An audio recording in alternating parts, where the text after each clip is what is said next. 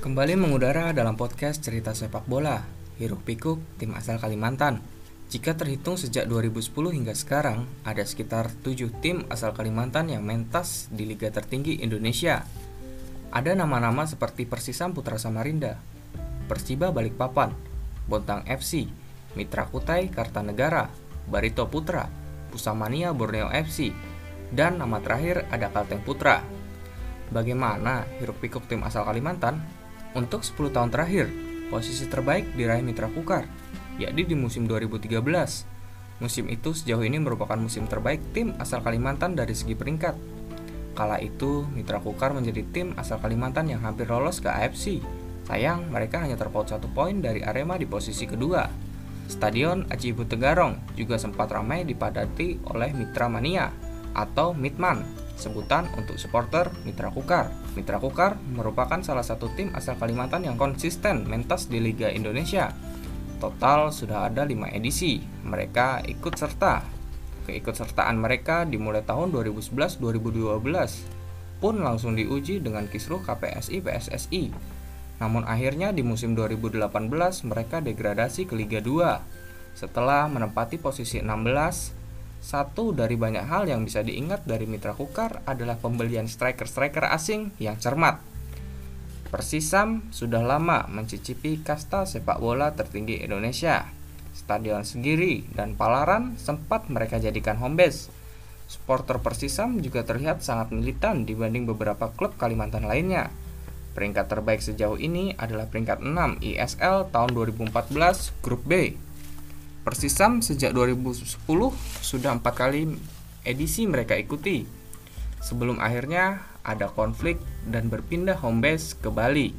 2015 nama Persisam hilang diganti Bali United. Seketika sepak bola Kaltim kehilangan gairahnya. Berpindahnya Persisam memunculkan nama baru di sepak bola tanah air Pusamania Borneo FC. Inilah klub yang menggantikan peran Persisam di Kalimantan Timur. Namun gairah sudah beda. Borneo FC belum bisa mengembalikan animo segiri. Walaupun secara keuangan mereka cukup baik. 2017 merupakan debut Borneo di kasta tertinggi sepak bola Indonesia. Dan sejauh ini peringkat terbaik mereka terjadi di musim 2018 dan 2019, yakni sama-sama menduduki peringkat ketujuh Usamania Borneo FC menarik ketika belum mentas di Liga 1. Hal ini karena ada beberapa kabar yang mengaitkan Borneo dengan kasus sepak bola gajah. Kalau bicara konsistensi, Barito Putra adalah klub asal Kalimantan yang konsisten, bertahan di Liga Kasta tertinggi sepak bola Indonesia. Terhitung sejak mereka promosi ke Liga Indonesia ISL 2013, sudah tujuh kali mereka bertahan Tim yang bermarkas di Stadion Demang Lehman ini juga merupakan kuda hitam yang kuat asal Kalimantan. Peringkat terbaiknya terjadi di ISL 2013 yaitu posisi 6. Awal promosi Barito Putra seakan menghidupkan gairah sepak bola Kalimantan.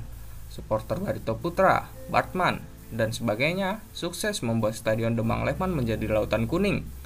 Klub ini merupakan klub yang agamis. Setiap launcingan pemain pasti selalu diiringi dengan nuansa islami. Yang berkesan dari klub ini adalah duet Jibril Kolibali dan Makan Konate. Menyeberang ke sisi tengah Kalimantan. Ada nama Kalteng Putra, klub yang berjuluk Laskar Isen Mulang, mencicipi Liga 1 di tahun 2019 setelah sebelumnya drama di Liga 2 ketika melawan Persita Tangerang. Sempat bergelora Stadion Tuah Pahu ketika Kalteng Putra mentas di Liga 1 atmosfer sepak bola Kalteng naik. Namun sayangnya mereka harus degradasi di tahun itu juga dengan banyak masalah yang terjadi. Kembali ke tanah Kalimantan Timur, ada Bontang FC dan Persiba Balikpapan. Bontang FC adalah tim mapan asal Kaltim. Namun, nasib berkata lain. Kasus pengaturan skor dan campur tangan mafia membuatnya hancur. Kini tak ada euforia di Stadion Mula Warman klub Bontang FC harus bermain dari kasta terendah sepak bola Indonesia setelah dijatuhi sanksi disiplin PSSI menengok ke tetangga Persiba Balikpapan. Persiba sejatinya merupakan salah satu Big Four Kalimantan Timur dan disegani. Persiba sendiri pernah menyentuh peringkat 5 grup A pada ISL 2014. Sejauh ini itu adalah peringkat terbaik mereka. Persiba juga terbilang solid. 5 edisi Liga Indonesia mereka lalui. ISL 2017 adalah tahun terakhir mereka mentas di ISL. Setelahnya mereka masih berkutat di Liga 2. Sangat disayangkan di saat Stadion Batakan dengan taraf internasional selesai, mereka tak mampu berbicara banyak di kasta tertinggi sepak bola nasional. Satu yang pasti, balistik tak pernah mati dan masih bernyanyi.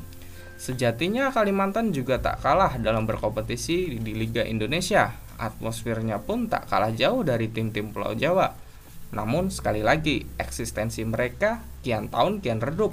Liga 1 2020 saja hanya menyisakan dua klub asal Kalimantan, yakni Borneo FC dan Barito Putra. ISL 2013, ISL 2014, dan 2017 menjadi kompetisi dengan penyumbang tim Kalimantan terbanyak, yakni 4 tim. Banyak faktor yang mempengaruhi berkurangnya antusiasme sepak bola Kalimantan. 4 tim Kalimantan Timur, 1 Kalimantan Tengah, dan 1 Kalimantan Selatan. Jadi bukti jika sepak bola Kalimantan tidak main-main. Mari mengingat kembali derby papadaan yang mampu goncangkan televisi Berharap sorak sepak bola Kalimantan dapat segera kembali. Paling tidak, jangan sampai mati.